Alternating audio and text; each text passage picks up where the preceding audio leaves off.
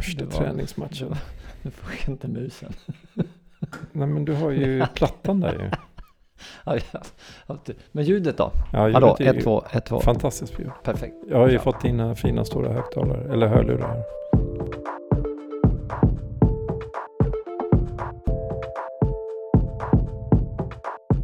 Här källaren igen. Ja, men nu kör vi igång. Nu måste vi låta ticket gå. Ja, Tjena Patrik. hej Greger. Källan igen. Ja, vi är nere i källaren igen. Hur känns det då? Ehm, ja, men jag börjar gilla den här lilla, den här platsen, det här rummet. Ja, bra. Jag liksom, Känner dig hemma? ja men nästan. Jag, jag föreställer mig att om jag någonsin skulle ha anledning att sova över hos dig skulle jag förmodligen få sova här Ja, på golvet. här är mattan här. Ja, Varmt det är och skönt. Källargolv. Mm. Jaha du Patrik, vad vill du prata om idag då? Men Du brukar ha något på lager. Ja, det är, um, min hjärna är full med oväsentliga grejer. Men jag kom faktiskt lite osökt att tänka på eh, duktiga lärare. Mhm. Eh, vi har ju båda två barn som går i skolan. Ja. Jag har ju själva gått i skolan. Yes. Ehm, och ehm, som vi redan har varit inne på så präglas ju min skolgång av de här många olika länder jag bodde i. Ehm, och oftast så gick jag ju i internationella skolor. Men internationella skolor är oftast baserade på någon, något annat skolsystem. Man kan ju läsa en IB, men du kan göra det på en brittisk skola, en amerikansk skola. Eller så anpassas din skolgång efter IB, men du är ju ändå på en skola. Till exempel i Genève så var det O-levels, alltså ett brittiskt system. Liksom. Okej. I USA så gjorde man så high school diploma. Men vi som gick IB, vi gick alltså typ inte riktigt samma klasser och hade inte riktigt samma upplägg. I Genève... Ja, Mm. du, äh, förlåt, Mm. du ska säkert komma till någonting. Jag var nyfiken om det var liksom skillnader. Ja, ja, det är klart det var skillnad. Eh, Eller ja, det är skillnad i allt, fast i grund och botten är allting likadant ändå. Liksom. Okej. Det beror ju på vad man väljer att se. Men i Genève så var ju då den här skolan eh, École Internationale de Genève, eller Ecolint på kort. Det fanns två, en inne i Genève, i centrala Genève och en utanför i um, en by som hette Fournet. Som låg eh, kanske, jag minns inte, två mil eh, längs Genèvesjön. Eh, vid Jurabergens fot, det var där jag gick. Ja. Ett gammalt vinslott, jättetjusigt. Um, det var då en brittisk skola och eh, de, eh, undervisningen var ju på engelska. Och ehm, Jag bara, jag bara känner så här. Själv gick jag på Sandbackaskolan bredvid Ankdammen på Haga i Umeå. alltså, men, men visst. ja, men Ja, Umeå det, är det, för det första det är verkligen det är samma, det är samma grej. Ja men det låter, Genève låter ju fint. Men det är samma grej Ja. liksom. Man går i en skola, Ja. vissa är mobbade, andra mobbar. Vissa är skoltrötta, andra inte. Ja. Vissa lärare är bra, andra är dåliga. Jag tänkte dra två exempel på det. Just Mm, jag, ja. Vi hade ju då eh, ett sånt här system där man eh, första fem minuters lektionen var homeroom. Så när man kommer till skolan skulle man gå till en viss klass och ta närvaro och så var det eventuellt någon information. Och min homeroom var Mr. Richter. Han var en Mr. stor, Richard. stor um, irländare med jätterött skägg of course. of course. Eh, jag Varför tror han var så här rugby. Jag tror, jag tror det var han som tränade rugbylaget också. Han var, en sån jätte, han var inte särskilt trevlig. Eller jag upplevde inte honom särskilt trevlig. Och jag minns en gång, det var första dagen på terminen. Och i sådana miljöer så är det alltid nya människor som folk försvinner och nya kommer. Liksom. Ja. Och då, eh, då säger Mr. Richter att vi har en ny person i klassen. Och så säger han, um, and I'll just start off with our roll call. Ball. David Ball. Jag vet Och, eh, inte alla- varför jag ska. Och alla tittar sig omkring och jag har noterat att det sitter en liten kille bredvid mig som var ny då. Ja. Och han räcker upp handen då. Så det var David då. David Ball. Och, och då säger Mr. Richter så jävla as. Säger han. Ball. Rather singular, isn't it? Välkommen till Genève Ja. och internationella skolan typ. Välkommen hit. Vilken Ja. introduktion. Ja, verkligen. Ja, och liksom folk eh, skrattar väl lite halvt sådär, för man var ju rädd för Mr. Richter, men alla tyckte väl kanske att, jag blev ju för övrigt kompis med Davidson. Ja, okej. Um, man undrar ju såklart vad han gör idag. Det har jag Ja, ingen aning det, om. var, det var faktiskt min följdfråga här. Vad jag Ball, David Ja, Ball det idag? undrar jag. Faktiskt i, satt mig både på LinkedIn och Facebook och försökte leta upp så gamla personer från way, way, way back. Men jag har inte haft någon större framgång. Ja. Så minns man inte riktigt hur namn stavades och så vidare. Hur som helst, jag tänkte komma till en bra lärare. Ehm, Men vänta, om vi Mm. f- förutom det här dråpliga introduktionen av den nya personen, hur, eh, Mr Ball här. Hur var han i övrigt då? Ja, men jag, jag minns inte exakt. Jag minns honom som en var bara rädd stor för och... honom. Ja, jag var rädd för honom. Men jag, sen var jag ingen... Jag var en sån som inte riktigt tog skolan på allvar. Jag gjorde precis det jag behövde för att ta mig förbi. Ja, okej. Liksom, och, och det... Hade, sånt såg jag han igenom. Eller det gjorde ju väl de flesta antar jag. Men vissa lärare är ju schyssta, andra blir ju lite elaka i det. Liksom. Jag vet inte. Jag, jag säger inte att jag var... Jag var väl också dum. Liksom. Han tog inte ut det på liksom, Nej. Ba, bana, på, on the field och Jag, körde jag gissar att om vi det. skulle se honom, om vi skulle se den typen av pedagogik och den typen av maktutövande nu med våra glasögon så skulle vi nog bli ganska förfärade. Men Ja. jag hade ju honom i fysik också såklart. Jag, jag, jag kan ju ingen fysik, men jag kan ju analysera ingenting i princip. Så att, eh. men hur som helst, en, en väldigt, väldigt bra lärare från samma skola. Ehm, jag försöker komma ihåg nu, om, om fysikläraren hette Mr. Richter så... Ja, det spelar inte så stor roll vad de heter, det är mest för mitt eget, eh, min egen bild i mitt huvud. Eh, jag hade en historielärare och, ehm, som vi alla älskade och han var väldigt bra på att bygga liksom, eh, någon slags retoriskt upplägg kring alla nya ämnen. Satte dem i ett kontext, skapade någon slags mening i det man skulle läsa. Snyggt. Ja, väldigt snyggt. Så en dag så kommer vi in i klassrummet så sitter han på katedern med en gitarr. Mm. Och bara tittar på oss liksom. Ja, så alla bara slutar prata, sätter sig helt tysta. Och utan att säga någonting så börjar han att spela lite så här blues. Det var en vanlig akustisk gitarr liksom. Eh, eh, nej, förlåt. Eh, jag måste ta tillbaka det. här. Han spelar eh, spansk musik. Så som det, man, när man... Exakt. Ja. Eh, Och någonting som han då, han spelade bara en halv minut och så sa han så här lät klassisk musik i Spanien år någonting. Nu blottar jag mina okunskaper med Men Vilket, 1397. ans, vilket anslag. Ja, så alla sitter där, jaha, Ja. liksom. vad, ska, vad, vad ska vi veta det för? Sen så lägger han ifrån sig gitarren, tar fram en bongotrumma som han slår på. Jag minns det som att det lät coolt. Det kanske var jätteamatörmässigt, who knows. Men spelar ingen roll. Han, han spelar på en bongotrumma. Eh, och så säger han så här, det här, den här rytmen kommer ifrån Afrika. Och så tittar han på oss och så sa han, och nu, tog han fram gitarren igen, pluggade in en jätteliten eh, förstärkare Ja. och så spelar han lite blues. Och så säger han, och så här lät musiken när Afrika mötte Europa. Och vi vet fortfarande ingenting, för vi är ju dumma 14-åringar, förstår ingenting överhuvudtaget liksom. Och så säger han, och nu har jag intresserat er till det nya ämnet som vi kommer att börja nu för de närmsta nio veckorna. Och det är utvecklingen i världen runt slavhandeln och den handel som uppstår med det. Och vi var ju bara, Bam! oh my god, liksom Vad häftigt. så sjukt intresserad av vad är det som, vad är det, alltså helt plötsligt blir ju det förfärliga till exempel med slavhandeln. Ja. Sätts ju i ett kontext av, det var ju så mycket mer än bara maktmissbruk och, och ekonomi. Det var ju världar som fördes ihop. Eh, Ja. kulturer som möttes, krockades, föstes ihop liksom. Eh, och såklart enorma orättvisor. Men han, han För skapar ju någonting nytt. som, ja, som, vi, som man kunde se det på något annat sätt. Än istället, istället för att sitta på en, som det trots allt var, en privatskola i Genève och bli så här, inte kunna bry sig mindre över förfärligheter som hände för 400 år sedan. Så, ja, jag vet inte. Det, man borde väl säga, alla borde väl vara intresserade av att veta vad som har hänt, men det gör ju, barn är ju inte sådana. Nej. Barn, det blir ju ganska, till och med andra världskriget känns ju jättelångt bort. Liksom. Ja. ja, det var ju bra grepp. Ja, Fånga fantastiskt. Och då tänker jag på att du, du har väl lite bakgrund inom läraryrket? Jag är faktiskt utbildad lärare. Du utbildad? Ja. Ja. det var det du gjorde där uppe i... I Örebro ja. Ja, Läste till idrottslärare. ja. Pedagogik ett, ett år. Två Ja. år idrott och hälsa. Jag bland annat då gick jag ut och Titta på tittade i skogen och älgbajs och det Ja. där. Men eh, gjorde också massa annat kul. Men också pedagogik. Och det, jo ja, men jag jobbade ett och ett halvt år som lärare. Här i Malmö. På Pauliskolan. Mhm.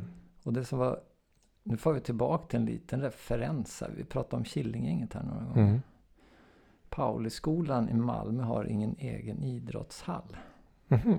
Så vi höll till på brandstationen. Och då Greger brandstation. 90-tal.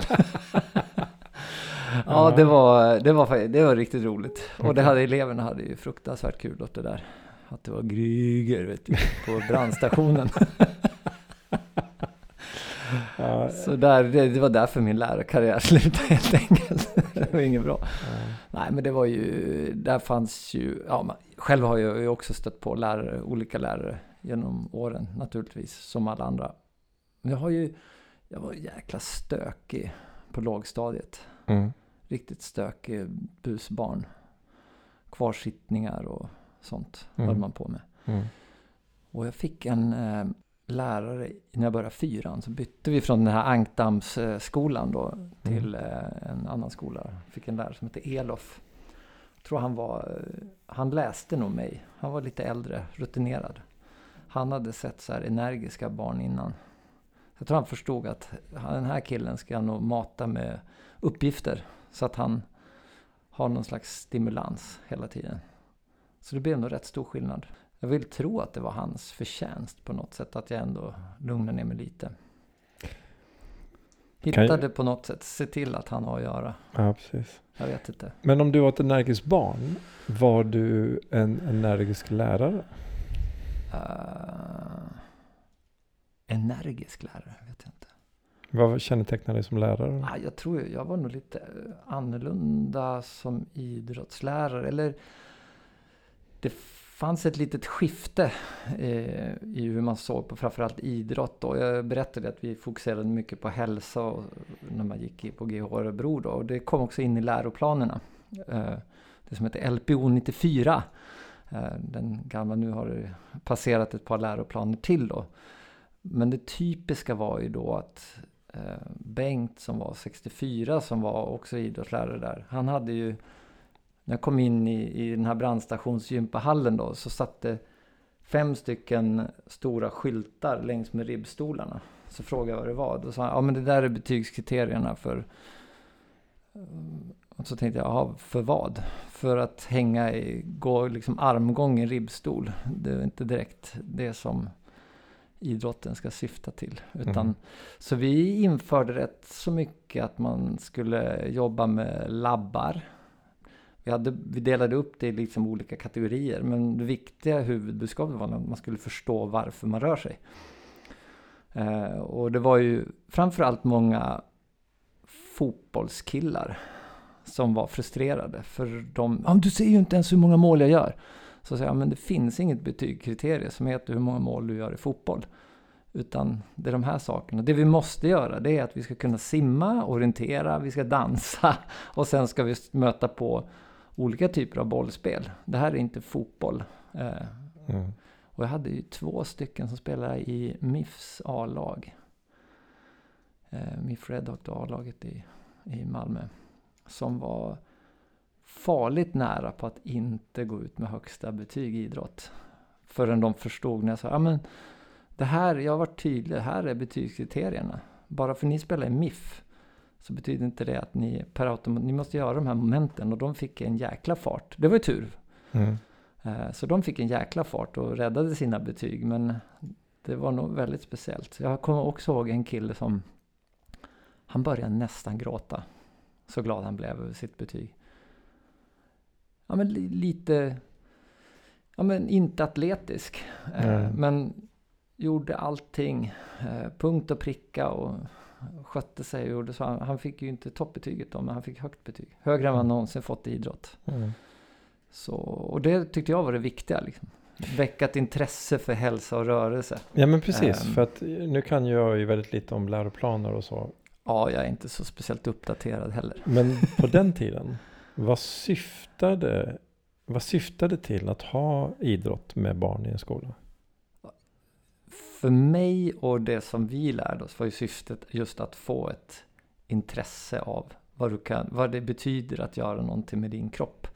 Och vad är hälsa och vad behöver du göra för, ur ett hälsoperspektiv. Det var Mm. mer fokus på det än du ska kunna hoppa långt och du ska kunna slå, vinna i tennis eller badminton. Mm. Däremot finns det ju ett värde i att utföra Ja men spelar man fotboll och får den här perfekta träffen. Då är vi, vi pratar om löpning. Mm. Just det här att du löpte för löpande skull, för själva... Mm. Och den här känslan liksom.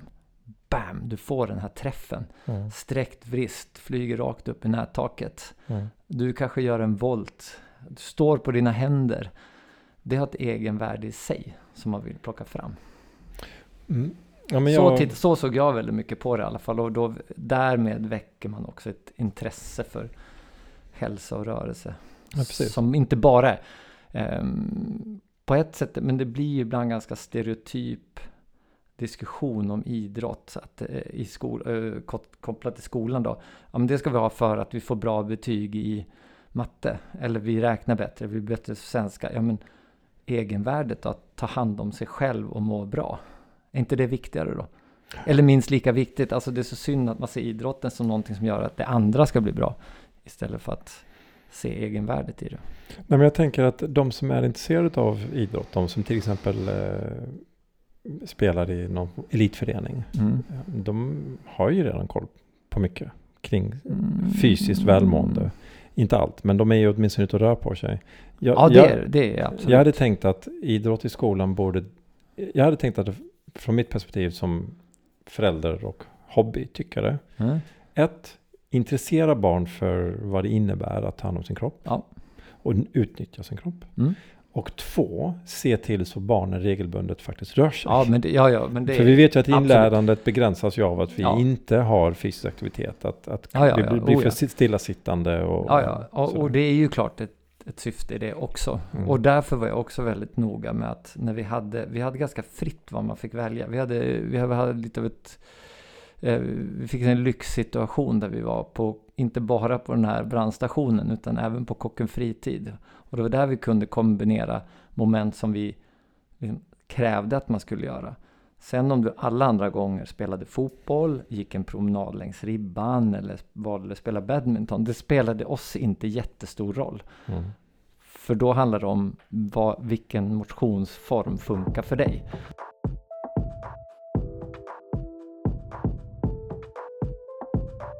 Fick du kvarsittning någon gång?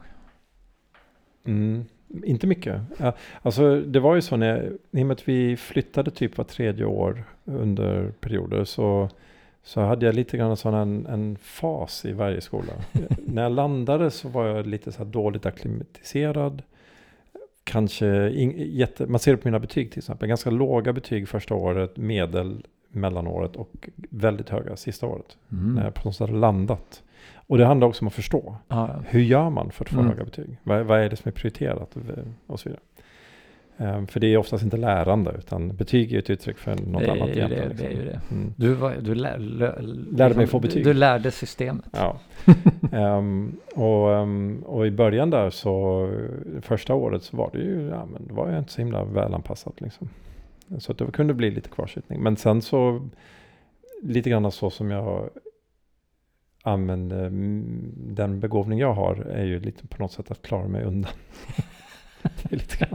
med så lite arbetsinsats som möjligt. Liksom. Men eh, något som jag funderat på nu när man betraktar skolan nu från, som förälder. Jag har bara en känsla av att lärarna inte har, nummer ett, en tid som behövs för att vara just lärare. Och nummer två, kanske inte alltid har verktygen heller. Mm. Får man, får man ens slänga ut någon från en lektion? Mm. Jag vet, jag vet faktiskt inte. Nej. Det, förmodligen får man inte Jag- för jag vem vet- har hand om den Nej men vem, då vem i korridor droppar Ja. ut någon i en korridor? Ja, Där man precis. själv fick sitta och skämmas. Men eh, jag vet faktiskt inte om man gör det. Nej, Ett det- exempel är, jag, jag vet att de duschar ju knappt på gympan längre. Mm. Vi hade ju, vi hade ju Bill, som det var ju, du hade ju inte kommit undan att det inte gick in i de där iskalla duscharna. Mhm. Ja, men men är inte det att en hygienfråga? Jo, men- jo, men alltså, jag men, När jag var liten var det också vissa som inte duschade och andra som duschade. Var det? liksom. Ja. ja, det var, Bill hade aldrig släppt någon. Men men alla alla jag- hade ingen bild. Ja, men nej, men och det var det jag tänkte, alltså det var kanske inte så kopplat egentligen så mycket till själva duschen. Men bara det att idag kan man inte, du kan, Tvinga. liksom, du kan inte inom citationstecken då tvinga någon att Nej, duscha liksom. nej. Är det integritetskränkande? Ja, jag vet. Och det är svårt det där. Och, och många av de som tycker um, tillhör kanske en äldre generation och Ja, ja, det, det är väl en komplicerad fråga. Jag, jag tror att världen förändras ju. Och våra barns förväntningar på vad det är att leva och vad det är att vara en individ Mm. förändras. Och då kan man inte bara säga, "Ja, du, när jag var liten så fick man fan liksom. Och det För var jag- bättre förr. Det var ju Ja, bättre förr också. Jag har dratt det ganska många gånger hemma. Och, och på allvar Ja, i ja. ett samtal med någon av Ja, mina ja, ja, äldre ja. Herregud. Vad jag gjorde när jag var 16 eller Ja, 17. ja. Och du vet, de bara tittar på mig som, ja, och liksom. det är så- och så, Det är helt och- irrelevant. och, ja, och, när man, och det tar ju ett tag innan det går in, Ja. upp för mig. Det spelar ingen hur meningsfullt det än känns för mig. Ja. Så är det, de tar inte till sig. Det är inte relevant. Liksom. Jag, jag kan säga det hundra gånger, tio, hundra, alltså tusen gånger. Det spelar ingen roll. Tio, hundra gånger, det är ett jättebra ord. ja, det är bra. Nytt ord jag kommer på. Ja. Men du, innan, eh, innan vi grottar ner oss i att jag inte kan räkna. Mm. Hade inte du en hemläxa från förra avsnittet? Jag, jag gjorde en liten notis om den här TED-tåget som vi skulle... Bra. Ja. Har du följt upp det? Du, det har jag faktiskt. Ja, Gött. Äntligen så jag har vi någon fakta. Ja, nej, men, i det ja jag, jag såg ju det där. Men eh, den hette ju The Surprising Science of Alpha Males. Okej, Av, eh, han hette ju Frans de, ba- de Waal. vet- Nej, den var sevärd, helt Mm. klart. Och stämde det överens med det Ja, jag sa? det var i stort sett stämde det du berättade att eh, det var någon, ja, han gör det ju naturligtvis bra. Det är ett populärt TED-talk det här. Mm. Eh, Det är någon där det står en schimpans, lite pratar om kroppsspråk hos alfahanarna då. Den står liksom med bred, armarna brett isär och sen nästa klipp klipper han in då George W. Bush som står där. Men det var ju väldigt intressant med just eh, hur de här alfahanarna, hur beroende de var av att bygga bra allianser och eh, gärna såg till att hålla sig eh, väl med den förra alfahannen till exempel. Eh, för att ja, men säkra upp sin, sin, eh, sin position. Mm. Spännande. Ja, jag tyckte det var, det var sevärt, så det är ett tips. Mm. The surprising science of alpha males. Sevärd. Och återigen då för er som missade förra avsnittet. Det, det handlar ju inte om, det spelar roll hur man forskade kring, var det gorillor? Eller? Nej, det var schimpanser. Schimpanser, ja. Utan det handlar ju om att när, när den här föreställningen etablerar sig i vårt allmänna språkbruk. Att eh, man har forskat på ledarskap och alfahannen är ett Mm. begrepp. Ja, Då berättigar det också att man beter sig så som man upplever att det begreppet ska vara. ja, Men om det inte ens stämmer nej. Så är det ju bara luft. Liksom. Det är bara en ursäkt för att kunna komma in och dondera och skrika och slänga med sin vikt. liksom. Och du, för det var ju det som var hela poängen med, med talket här någonstans. Mm. Att landa i det att det är faktiskt felaktig bild vi har av alfahannen. Mm. För det är inte så den egentligen fungerar. Ja. Ja, Mm. Och intressant nu, om vi knyter an då till det vi precis pratade om, utbildning. Och du sa ju också att din upplevelse är att dagens lärare kanske inte riktigt har rätt förutsättningar för sitt jobb. Mm. Och, och nu, nu riskerar jag ju... Lärarkåren, det är... Ja, oj, oj, jag, jag har Nu, full respekt för ja, gud ja. utmaningen i att vara lärare. ja. Jag, jag gjorde en gång misstaget att ta hem hela min ena dotters dagisklass, alltså alla killar och alla tjejer, till ett kalas. Det har vi också och, och jag bara, när, när, de, när det här vad ska jag kalla svärmen av missfoster intog mitt hem, så var bara, och det var ju bara två timmar. Ja. Så eh, ja, jag fick en sån enorm respekt för det lärarna, Ja. eller pedagogerna då på förskolan eh, utsätts för Du dagligen. hört, du liksom. har hört en Johan Glans när han berättade om barnkalas. Nej. Eh, otroligt kul också. När, han, ja, när allt har vält in och föräldrar har snikat in liksom stora bröder och annat. Och, och helt plötsligt så har han också så här ljus någonstans ifrån. Jag bara, färdig. Så bara, nej jag ska inte torka ditt bajs också. ja. Ja, Och hur- som helst, ja, jag vet. Jag, Så vi uttrycker vår, vår stora vördnad för de som jobbar Yes, inom, yes. inom skolan. Då. Men jag funderar lite grann på, apropå alfahane och olika ledartyper. mm, Det, det är fullt möjligt att lärarna hade behövt bättre förutsättningar att utöva chefskap. Ja, Ehm, men frågan är då, eh, för det kan de av olika anledningar inte, lagar Mm. och, och, och principer som gäller inom det svenska skolsystemet. Liksom. Är de tillräckligt ambitiösa med att utöva sitt coachande ledarskap?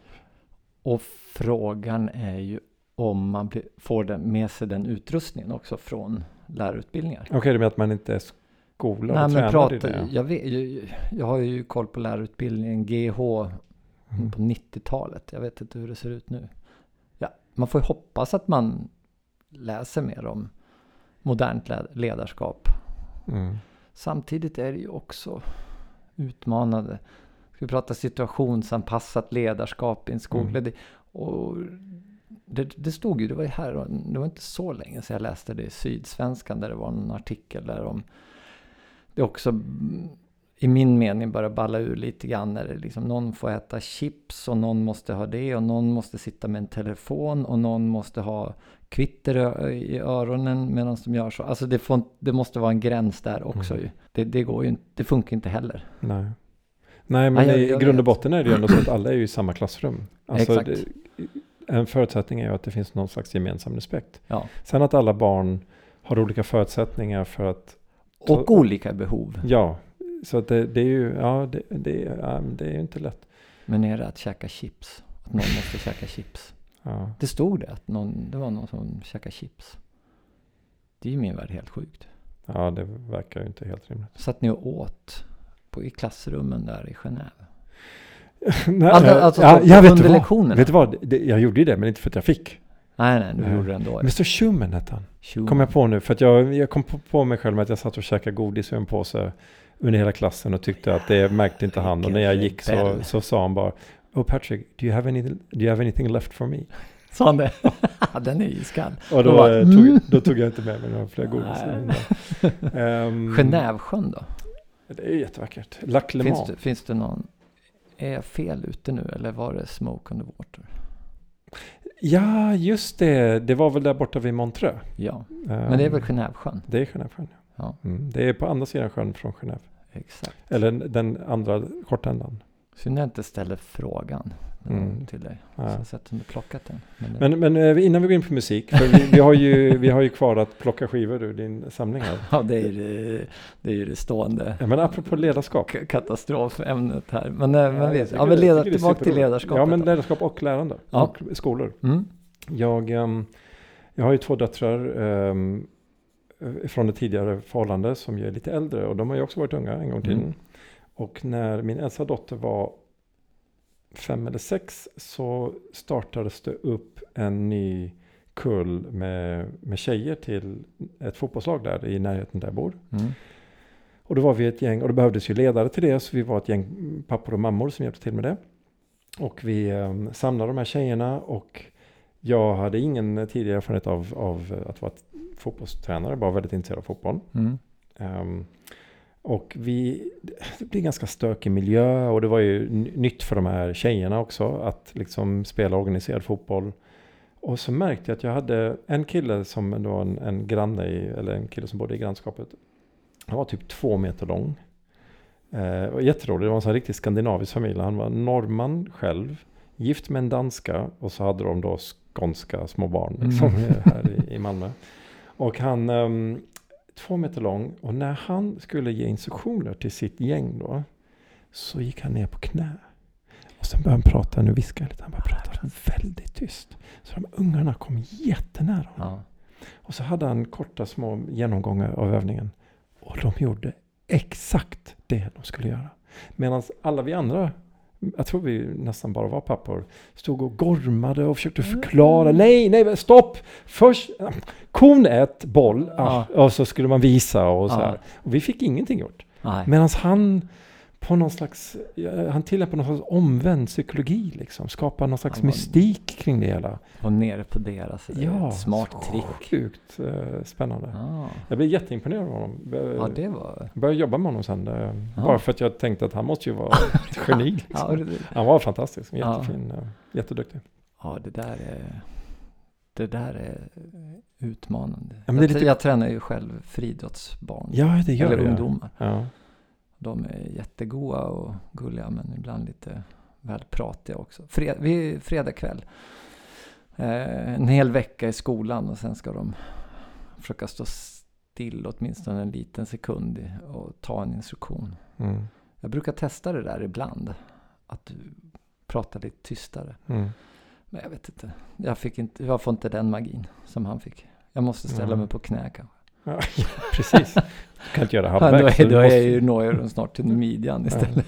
Nej men, ehm, ja, men det är lite kontraintuitivt liksom. Det där med att skrika så lyssnar de mindre.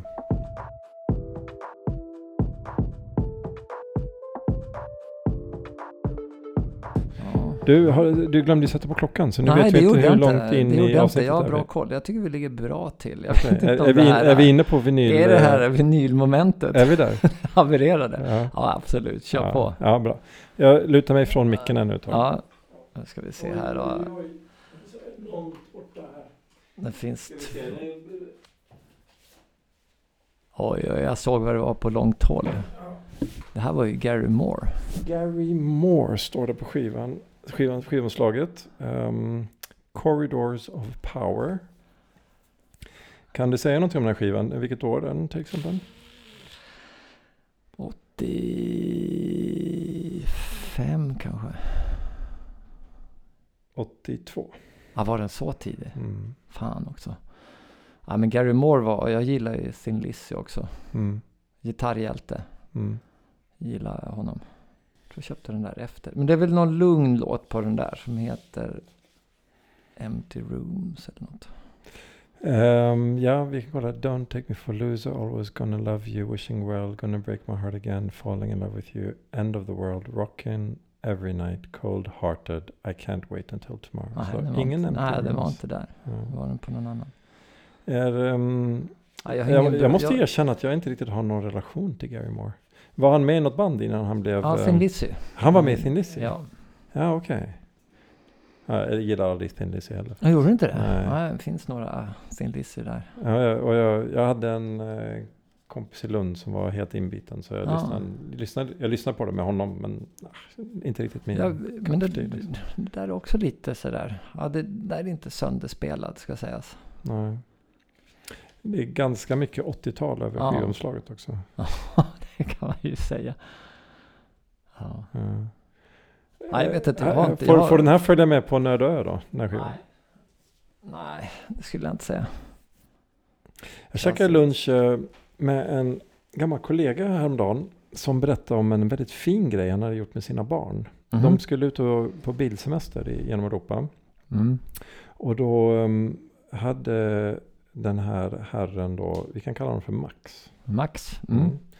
Max hade då, för va- varje år som han har levt, Mm. så har han valt ut tre låtar. Ja, bra. Och så kom de i följd. Ehm, och sen så berättade han ju varför han har valt de låtarna. Och vissa var ju favoritlåtar, andra var låtar som man bara tyckte att det är bra om ni har hört de här låtarna.